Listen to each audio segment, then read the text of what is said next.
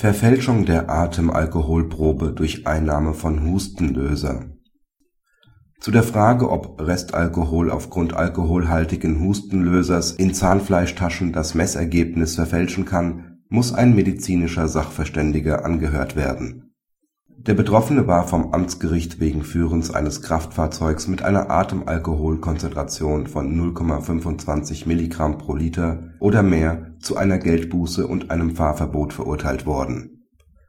Er hatte sich dahingehend eingelassen, dass er lediglich ein Bier mit Cola getrunken habe, einige Minuten vor Beginn der Fahrt habe er einen alkoholhaltigen Hustenlöser zu sich genommen. Von daher sei nicht auszuschließen, dass das Messergebnis verfälscht worden sei Insoweit komme auch in Betracht, dass bei der Messung etwa durch in Zahnfleischtaschen verbliebene Reste der Hustentropfen die Messung zu Lasten des Betroffenen beeinflusst worden sei.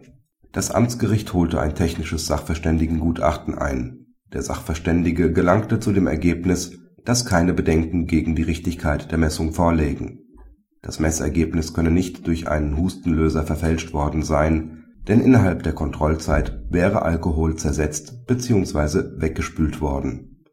Ob eventuell unter ganz besonderen Umständen und bei einer außergewöhnlichen Erkrankung im Mundraum Alkohol längere Zeit im Mundbereich konzentriert bleiben könne, müsse gegebenenfalls ein Mediziner klären. Dem Amtsgericht hatten diese Erklärungen des Sachverständigen ausgereicht. Das OLG war jedoch anderer Auffassung. Es verweist darauf dass das Amtsgericht den Rat eines medizinischen Sachverständigen hätte einholen müssen.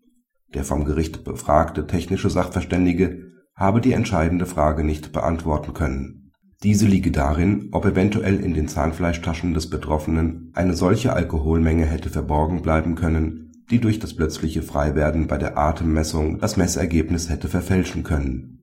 Das OLG hob daher das amtsgerichtliche Urteil auf und verwies die Angelegenheit zurück Praxishinweis Das Urteil des OLG berührt einen Problemkreis des Sachverständigenbeweises, in dem häufig Fehler gemacht werden.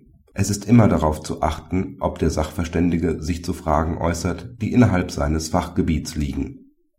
Ein technischer Sachverständiger mag zwar Auskunft für die Zeiten geben können, in denen Alkohol normalerweise im Mund abgebaut wird, allerdings erhebt sich schon hier die Frage, ob hierfür nicht die besondere Sachkunde bzw die eines Rechtsmediziners gefragt gewesen wäre. Ein technischer Sachverständiger kann zu keiner medizinischen Frage Stellung nehmen. Hier wird man sich unter anderem auch mit der Frage auseinandersetzen müssen, welche Größe solche Zahnfleischtaschen gegebenenfalls haben müssten